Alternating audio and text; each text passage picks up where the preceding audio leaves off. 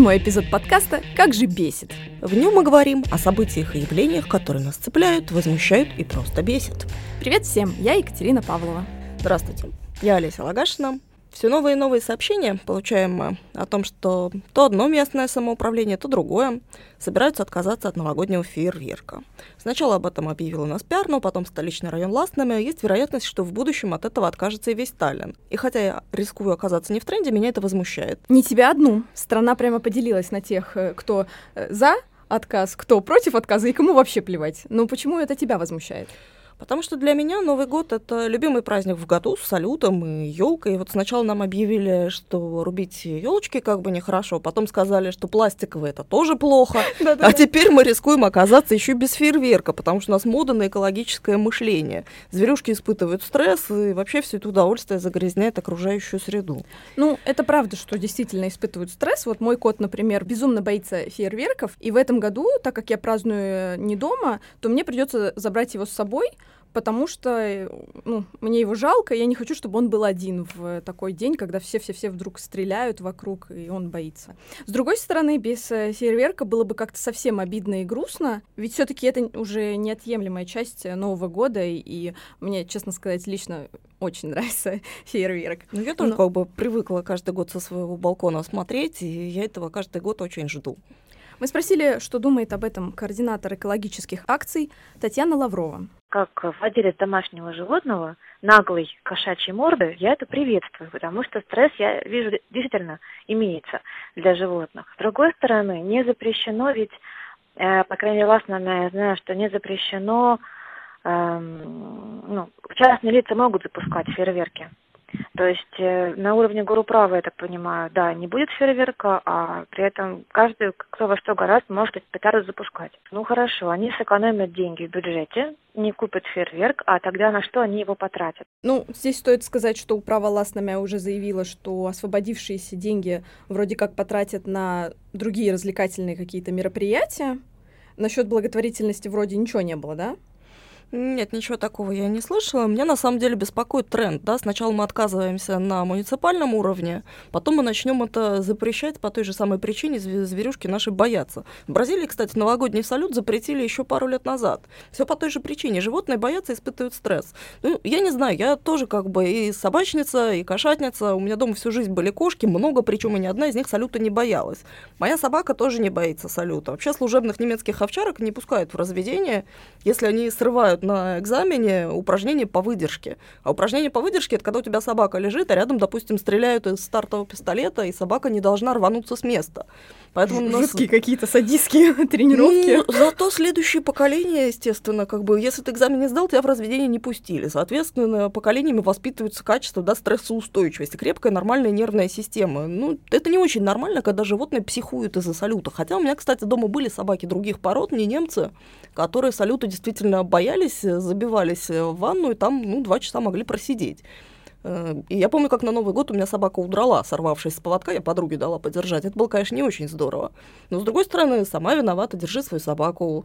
И я понимаю, что летом моя собака точно так же боялась грозы, например. Да, грозу мы отменить не можем. Не можем.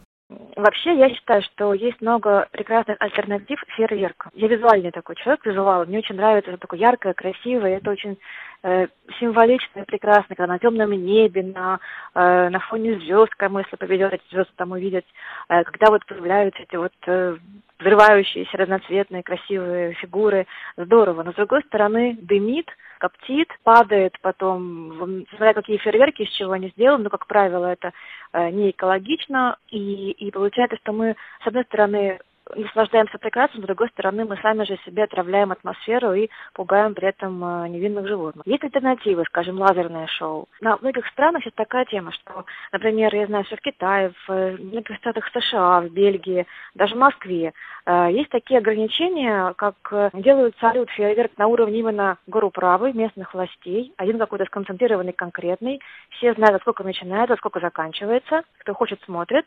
При этом частные лица не могут запускать фейерверк фейерверки. И мне кажется, что тем, кто фейерверки любит, и там, где лазерные шоу пока не предусматриваются, там был бы хороший вариант как раз вот э, делать такой единый как раз таки фейерверк красивый для всех, и тогда э, люди не, могут, не будут пугать животных спонтанными своими этими бомбочками, потому что я считаю это безобразие, когда э, маленькая какая-нибудь там собачка, пуделечек какой-нибудь, как вот у меня был, например, много лет назад, гуляет, э, свои дела делает на улице, здесь рядом под боком в метре от нее что-то взрывается. Даже маленькие дети пугаются. Да, маленький ребенок не испугается, если я пойду с ним э, в толпу смотреть вместе с толпой строго урегулированный салют в строго урегулированное время в одном и том же месте. И я как-то беременная сходила посмотреть салют в центре города. Не могу сказать, что испытала огромное от этого удовольствие. Я предпочитаю смотреть все-таки со своего балкона, у меня достаточно высокий, и там салют видно как раз только частный.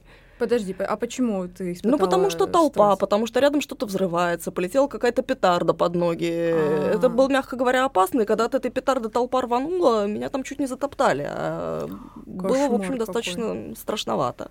Почему? И поэтому, знаешь, я вот как-то предпочитаю теперь из своего окна это наблюдать. Просто у Олеси что не история, это просто полная дичь. Олеся, как только выходит из дома, она попадает в историю. Я реально эти истории я слышу первый раз, и у меня просто такой шок моментальный, потому что я таких историй, ну, вообще не слышала. Я на самом деле не против ограничивать э, салюты в любой, в любой другой день, да. Да, это была бы отличная идея, реально. Потому что мы все ждем салюта на Новый год, да, но действительно не очень спокойно и приятно, когда стреляют и взрывают полтора месяца подряд, весь декабрь и вплоть до Старого Нового года. Но особенно, конечно, сложно, когда у тебя маленькие дети, потому что, ну, представь себе, ты с трудом его полтора часа укладываешь, там, убаюкиваешь, колыбельные поешь. И вот он тебе наконец уснул, и тут за окном так хлобысь, бабах, трах-тарарах, все это взрывается, ребенок, естественно, просыпается, начинает реветь, и ты, которая собиралась э, спокойно заниматься своими делами, вынуждена снова его укладывать. Я думаю, Татьяна это и имела в виду, когда сказала, что малыши пугаются, что вот они спят спокойненько, и тут бабах. Но они как бы и других звуков тоже пугаются, да, но все-таки Новый год это праздник, да, и тут вот хочется уже так бабах, гулять так гулять, хочется действительно, чтобы душа вот развернулась. И вывернулась наизнанку и взорвалась фейерверком, да? Я еще понимаю страны, знаешь, где салют запрещают, поскольку население пережило войну. И каждый залп они, соответственно, воспринимают на грани разрыва сердца, ну, ну как на Украине, например, да, если ты каждый раз думаешь, что это бьет артиллерия, да, и какие-то неприятные воспоминания, естественно, это страшно, неприятно. И... Нехорошая идея, да. Да. И психологи, кстати, говорят, что залп салюта может у травмированных э, войной людей вызывать э, приступы агрессии. Но, с другой стороны, люди, которые травмированы войной, они бывают агрессивны и без всякого салюта. Я как пацифист предлагаю вообще отменить все войны, отменить э, армию, О, и тогда у нас согласна. проблем не будет, э, все, будет мир на земле, и люди не будут бояться всяких салютов. Мы спросили Владимира Света, старейшину Кесклин, о его точке зрения по этому вопросу. Ну, не про войну в смысле, а про фейерверки. Как это ни странно, моя личная позиция совпадает с позицией районной управы Кесклина. Может быть, потому что я ей руковожу. И она заключается в следующем. Есть проблема с фейерверками, но не с фейерверками как таковыми, а с теми фейерверками, которые люди сами покупают и сами запускают. Да, я слышал такой аргумент, что, например, теперь якобы в результате отказа управы Лосномя, я не знаю, люди в Лосномя будут больше использовать фейерверки, ну, я думаю, что здесь надо спрашивать у конкретных местных самоуправлений, которые отказываются от фейерверка. Но мне кажется, что в Таллине, как бы, если районное право видело в этом проблему, ну, то есть, я, если я правильно помню, то в Лосномя этот фейерверк, который теперь нынешний старейшина отменил, он проходил около Линдакиви, на самом деле, вблизи жилых домов. Я думаю, что там э, были как люди, которым это очень нравилось, что вот праздник рядом с домом Э, так были, наверное, и люди, э, которые именно как бы видели проблему, может быть, как я могу предположить, что фейерверк был около их дома. Но я не вижу здесь противоречия в логике о том, что мы будем оставлять большой городской фейерверк и стараться делать так, чтобы люди не пускали свои личные фейерверки, в том числе и в поведении управы Лосамяя, потому что она как бы ну, поддерживает, грубо говоря, это, это направление и говорит, Э, если хотите посмотреть на фейерверк, езжайте в центр города, езжайте э, посмотреть на большой фейерверк, там, где это делают безопасно, в стороне от жилых кварталов, а сами фейерверки тоже не запускайте. Тебе самому не было бы обидно, если бы э, вот так вот взял и весь город отказался бы от э, фейерверка? Ну, мне было бы обидно, и, и поэтому мы не отказываемся от фейерверка. Просто заголовок такой. А город не откажется от фейерверка, потому что Вове Свету было бы я обидно. переезжаю в Кисклин. Э, Я думаю, что здесь есть вопрос как бы традиции. Для многих людей часть Нового года – это то, что в небе взрывается фейерверк, который знаменует окончание одного года и начало другого года. Я думаю, в этой традиции как таковой нет ничего плохого. Проблема заключается в том, когда у нас вот весь декабрь, что называется, под окном взрывается, и пе- петарды летят под ноги, и дворы полны вот этого мусора от э, вулканов и ракет. Мусор, на самом деле, каждый 1 января, когда делаешь ленту новостей, самая читаемая новость «Посмотрите, весь город опять в мусоре». Ну, вот это свинство, оно на самом деле достаточно просто ликвидируется, если бы у людей совесть была. И это такой действительно существенный момент, который мне очень конкретно не нравится. Первый раз, когда я была э, в Новый год в старом городе, я просто обалдела от того, что я не могла идти по старому городу, потому что все было в стекле. Я пыталась его обойти, но это было невозможно, потому что абсолютно все дорожки были усыпаны разбитым стеклом. В Ласнаме тоже все пустыри парки, откуда салют запускает, тоже все в этих упаковках, э, в старых ракетницах, все это валяется под ногами, потом достаточно долго. Ну, у меня нету каких-то исследований, заказанных управой района Кесклин или городом, но мне кажется, для того, чтобы понимать, какие моменты людям доставляют неприятности, для этого не нужны, может быть, большие исследования. Э, Любой человек, у которого дома есть домашнее животное, у которого под окном взрыв- взрывались ракеты, наверное, может себе представить, э, как ведут себя собаки и кошки, когда у них взрываются петарды около окна. Это не очень правильная история. Я думаю, что, как бы, с одной стороны, да, у нас есть такая тенденция на то, чтобы вести более такой образ жизни, который бы более учитывал интересы окружающей среды, то есть, в общем-то, наши собственные интересы. А, а с другой стороны, я думаю, что в том же городе Таллине люди все больше и больше задумываются, например, о том, что домашнее животное – это тоже как бы часть городской жизни, и если где-то мы можем сделать так, чтобы эм, оставлять меньше вреда домашним животным, то мы могли бы это сделать. Ну, не ново все это на самом деле, аргументы постоянно называются все те же самые. Летом, кстати, писали, что в Праге тоже отказались от салюта, заменив его видеомэппингом, о, ко- о котором Таня упоминала. Это 3D-проекция таких красочных роликов на новогодние темы. А это, был, это похоже На общественные здания обычно на проецируют. то, что вот свет шагает? э, Похоже, похоже. Но Мне, в принципе, нравится идея световых инсталляций, да, она вроде как более безобидна, но, с другой стороны, есть такая особая прелесть в эфемерности салюта. Вот ты смотришь в небо, ты понимаешь, что этот миг неповторим, что эта красота, она вот-вот исчезнет, и тебе даже не фотографировать это, не снимать, просто надо запомнить, загадать. И это действительно часть традиции, да, когда в тебе вот живет эта надежда на то, что следующий год точно будет лучше. И вот этот момент просто нужно запомнить в его мимолетности. Это совсем не то, что дерево, на которое повесили гирлянду, или стена, на которую проецируют картинку.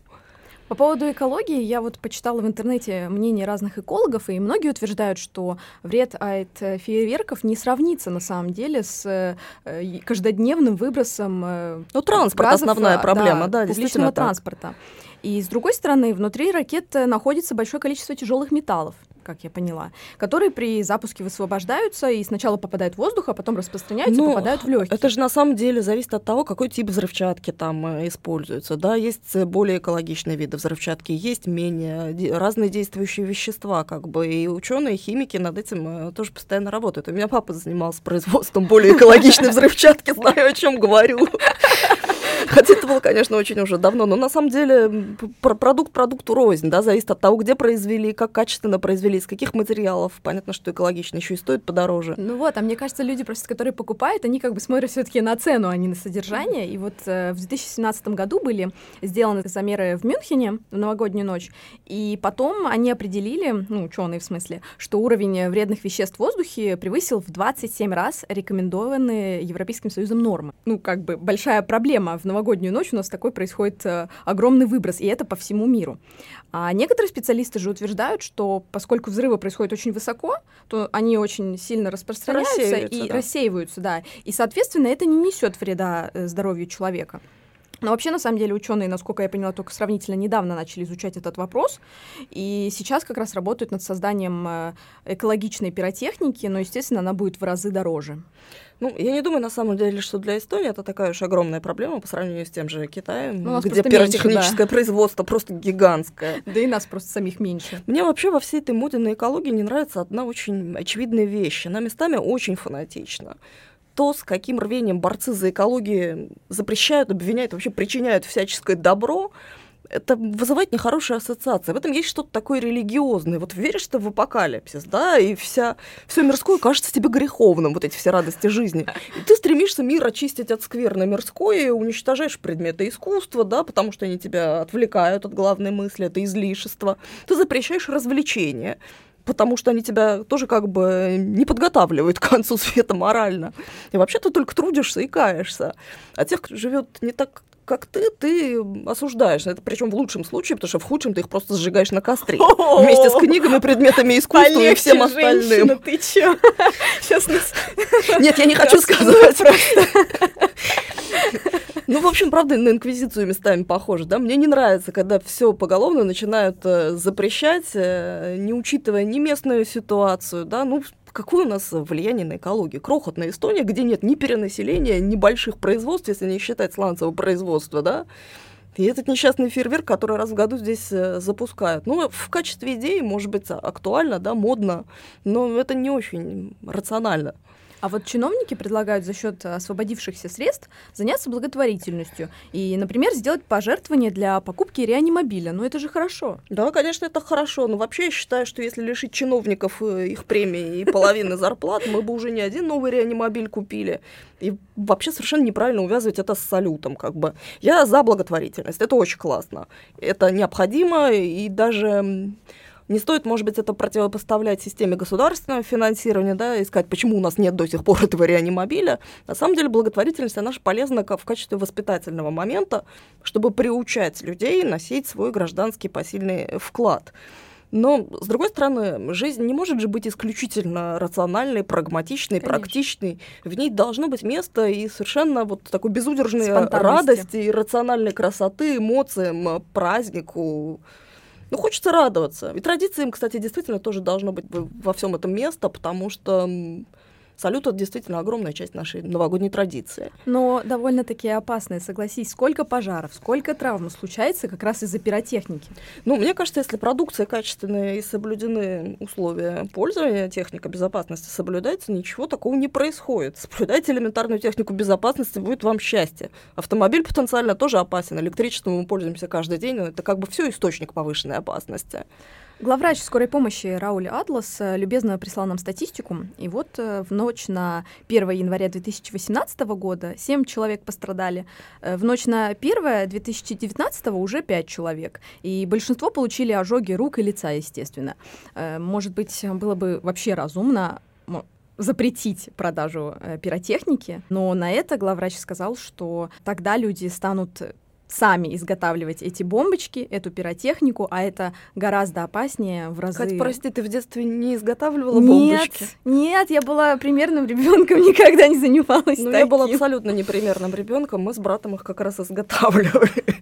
Именно поэтому Ну, в вам повезло, в что вами магазине ничего- бывает трудно купить марганцовку. Вам очень повезло, что ничего не случилось. Случилось однажды, у нас бомбочка дома взорвалась. И что произошло? Ничего, мой брат э, вышел в коридор с опаленными бровями, все были очень перепуганы. Не, ну это не очень мощные бомбочки, конечно, были. А так-то, да, действительно, из подручных средств все это не так трудно, на самом деле, соорудить. Э, Что касается запрета на продажу пиротехники, ну, я думаю, там как минимум несовершеннолетним н- нельзя продавать, да, за этим, Да. видимо, не очень строго у нас следят. Потому что если ты зайдешь в какой-нибудь торговый центр, то, в принципе, никто тебе паспорт не спросит, сколько тебе лет. Скорее всего, продадут. Тем не менее, в некоторых странах все же за- э, запрещают использование пиротехники, ее продажу, или накладывают очень жесткие ограничения, как вот рассказывала Татьяна Лаврова. И все ради человека и природы.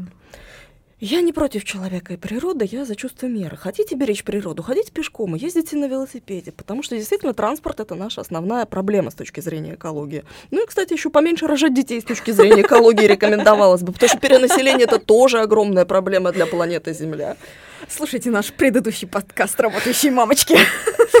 Да нет, это на самом деле, знаешь, такое доведение до абсурда, но по факту это же так, да, чем больше людей на планете, тем больше человеческое влияние, антропогенное влияние. Меньше народа, больше кислорода. Ну, ну как бы, да, простым языком выражаясь. Не, я за то, чтобы детей рождалось много, тем более в Эстонии, как бы у нас нет этой проблемы перенаселения. Но с точки зрения экологии, да, человек это фактор, который природу, в общем-то, разрушает. Если что, мы против геноцида. Ну так, на всякий. Ну, в общем, да, мы с тобой как бы не будем высказываться за запрет салюта, потому что иначе нам бы пришлось идти до конца запретить использование стиральной машины и прочих практичных излишеств, да, которые помогают нам в быту, но тоже, в общем, не сильно экологично.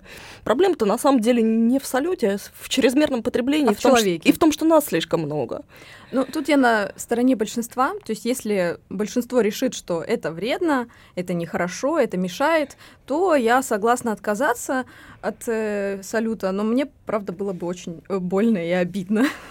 В общем, как и во всех других вещах, здесь должно быть чувство меры. Экология — это очень хорошо. Заботиться о братьях наших меньших очень правильно. Но как бы вместе со всеми атрибутами этого замечательного праздника мы не выбросили за борт и радость от этого праздника. В этом году, кстати, это наш последний с тобой подкаст. Я думаю, что нам пора уже поздравить наших читателей. Дорогие читатели и слушатели нашего подкаста, мы желаем вам настоящего праздничного настроения, счастливого Нового года, феерического фейерверка, даже если это просто фейерверк идей, эмоций и свершений. Любите друг друга, уделяйте больше времени своим близким, и пусть все ваши самые заветные желания исполнятся. Спасибо, что слушали нас. Подписывайтесь и пишите на venasobachka.postmes.ie или оставляйте комментарии, что раздражает вас. Будем беситься вместе. Now the ground is white.